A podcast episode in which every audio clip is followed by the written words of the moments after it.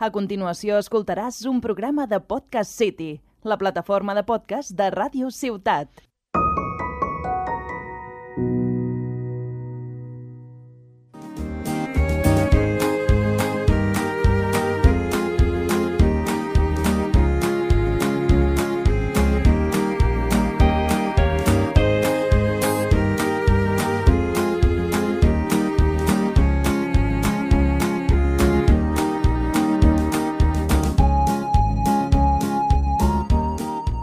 Dibujé una puerta violeta en la pared y al entrar me liberé, como se despliega la vela de un barco. Desperté en un prado verde, muy lejos de aquí. Corrí, grité, reí. Sé lo que no quiero. Ahora estoy a salvo. La puerta violeta. Rosalén. Avui, 25 de novembre, és el Dia Internacional per l'Eliminació de la Violència envers les dones. Commemorem aquest dia arreu del món per denunciar la violència que s'exerceix sobre les dones i per reclamar la seva eliminació. Hi ha diferents contextos per parlar de violència envers les dones. Ho podem fer des de l'àmbit sociològic, el legal o l'ètic. Nosaltres, com no podia ser d'una altra forma, parlarem de psicologia, de salut mental i concretament des d'una vessant més relacional. Parlarem de la violència dins de la relació de parella. I ho farem de la mà de Mar Vergés, ella és psicòloga clínica, psicoterapeuta relacional i familiar, docent i supervisora acreditada per la Federació Espanyola d'Associacions de Psicoterapeutes. Té experiència a l'àmbit de serveis socials en el camp de la violència sobre les dones i actualment és membre de l'equip del Centre de Teràpia Relacional i Familiar de Tarragona. Hola Mar, benvinguda. Hola, bon dia. Mar, eh, ens podries explicar amb més detall què és el que entenem per violència dins de la parella i quins aspectes psicològics eh, treballeu dins de la consulta? Sí, mira, com tu deies, eh, des de l'àmbit de la psicologia eh, ens interessa, eh, primerament, eh, en, en aclarir-nos sobre què entenem no? per violència dins de la relació de parella i no, no, no fem servir ni, ni judicis, ni justificacions, ni reivindicacions. Senzillament ens, ens necessitem una premissa que és entendre per poder decidir com ajudem. No? Des de fora, nosaltres mm, entenem sempre no? que l'únic responsable de la violència és de qui l'exerceix. No? Però quan comencem a voler entendre què passa amb això dins d'una relació de parella amb violència, eh, ens donem compte que aquesta responsabilitat queda com a, com a confosa dins de la relació, queda com a diluïda. No? D'entrada, la dona no acaba de tenir la sensació que l'únic responsable de la violència és l'home, qui l'exerceix. No? no acaba d'entendre això així. Ella també se sent en part responsable. No? I això té a veure amb que la relació de parella amb violència, no? la part emocional, que seria la part no? Que hem anat amagatzemant a, a, en la nostra trajectòria individual eh, i, que, i cap no? el com ens sentim, qui creiem que som, quin valor creiem que tenim vers els altres. No? Tota aquesta trajectòria, tot aquest amagatzematge que en, en una relació de parella violenta, no? amb, amb, on hi ha els dos membres de la parella, veiem que aquest amagatzematge no, no s'ha fet del tot bé, no, no, hi, ha, hi ha coses a, a, a, a, que els, no, no, estan ben, no estan ben eh, fetes, ben col·locades, ben enteses. No? Aquesta feina s'ha fet d'una manera molt carenciada, no? amb, amb dificultats. Eh? En resum seria això, en dificultats. No? Veiem que tota aquesta part emocional acaba inveint la part racional. Eh? la violència acaba, eh, eh, acaba eh, sent exercida no? eh, pel, per l'agressor com una mostra extrema d'aquesta deficiència, d'aquesta part emocional. No?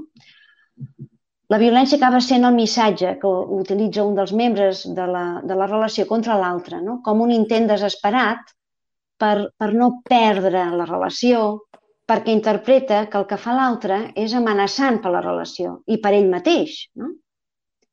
la dona eh, entén aquesta agressió mm, eh, d'una manera on ella també sent que potser no, eh, hi té part de responsabilitat.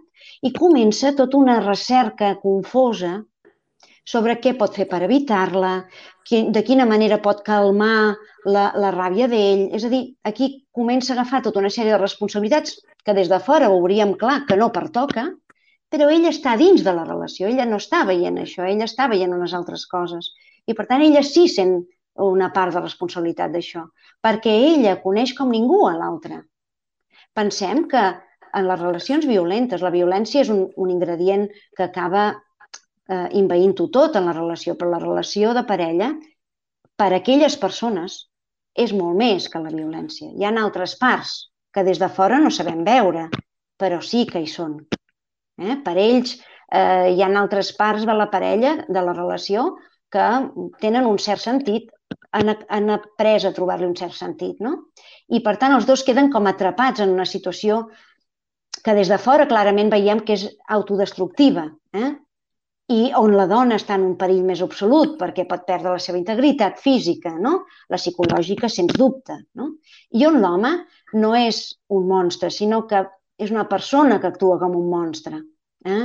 I ell també paga un preu, perquè ell s'està convertint en, en una persona que, que no sap eh, no, no, no li sap donar altre, altre missatge que la violència dins d'una relació i per tant això anirà repetint en aquesta relació o en properes i per tant també acaba pagant un preu. No? Eh, aquí entra un aspecte important. No? El motor dels dos membres d'una parella en violència està en la dimensió més emocional. Per tant, ens donem compte, els que estem fora, no? que a vegades volem fer servir no, aspectes com la raó, la qüestió legal, la qüestió ètica, no? però ens donem compte que eh, eh, la relació eh, de parella en violència resulta molt impermeable tot això, no? perquè el compromís emocional que podríem veure des de fora, que no és el, el saludable, però per ells és així, no? ho fa una mica impermeable. No?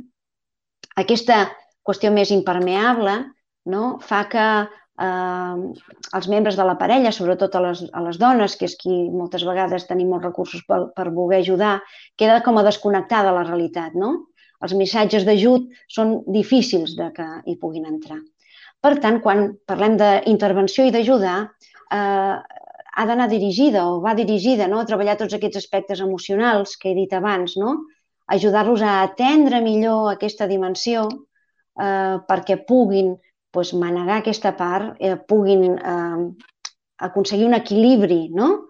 entre la, la raó, no? que siguin més permeables a tot això i que puguin eh, manegar millor tota aquesta qüestió per protegir-se millor. No?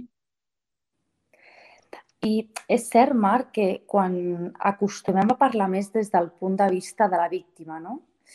Però com, com a societat al final el que pretenem és arreglar el problema i per aconseguir-ho també s'ha de treballar amb l'agressor. Com podem fer-ho? És a dir, com podem ajudar perquè l'agressor pugui demanar ajuda? Uh -huh. Sí, em sembla molt important això, no? Perquè és cert, la, la, se situa la víctima en un lloc com a molt actiu, no?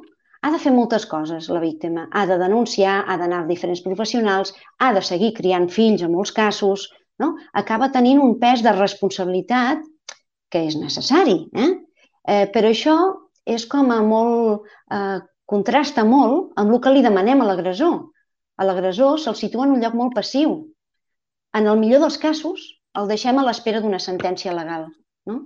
que hi ha de ser, i va d'abans de tot, però potser se li demana poc, no? se li podria demanar molt més. Potser estem perdent de vista que si diem que la responsabilitat és de qui exerceix la violència, després tampoc no acabem de ser massa coherents en això. No? La dona ha de poder tenir l'oportunitat de, de crear, de descobrir elements de protecció futures per, de futures relacions violentes. No? És a dir, ella s'ha de poder, eh, amb ajuda de professionals, perquè normalment ha de ser així, perquè tota aquesta part emocional està molt malmesa, doncs ha de poder, doncs això, no? poder-se construir aquestes proteccions. Però l'home també, la feina amb ell també és de responsabilitzar-lo, de protegir els altres de la seva violència.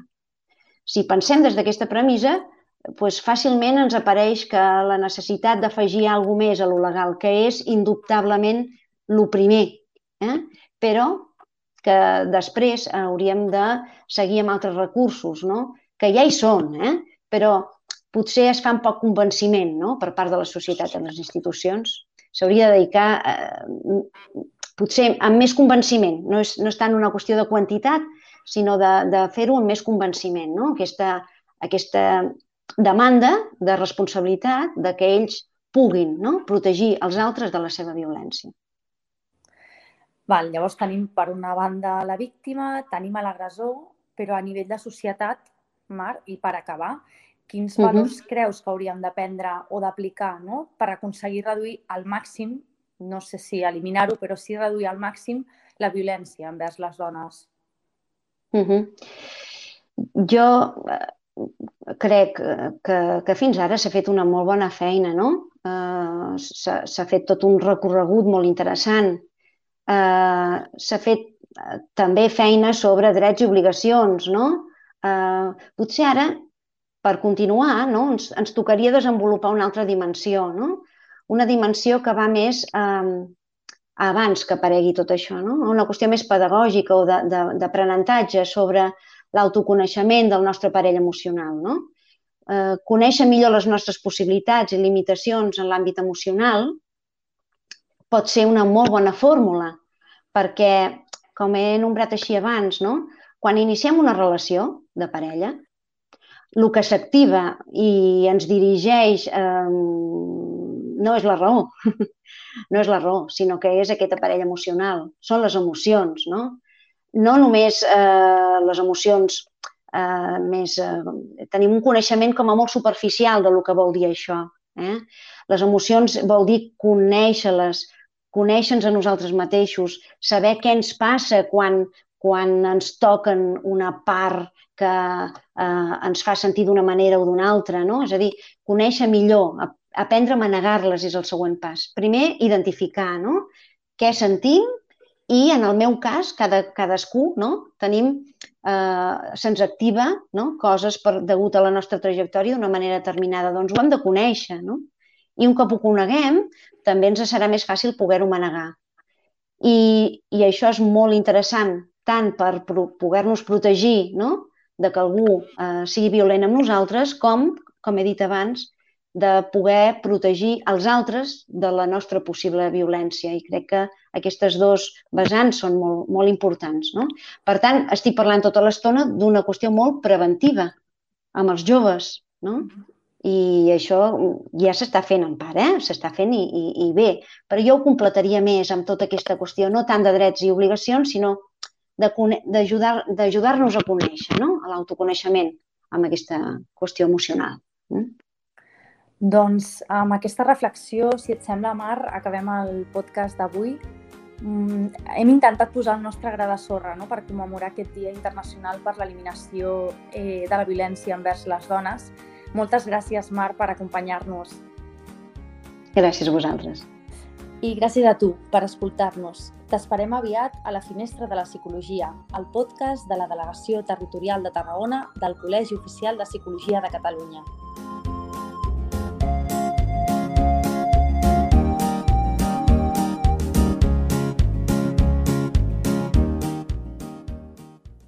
Has escoltat un programa de Podcast City, la plataforma de podcast de Ràdio Ciutat.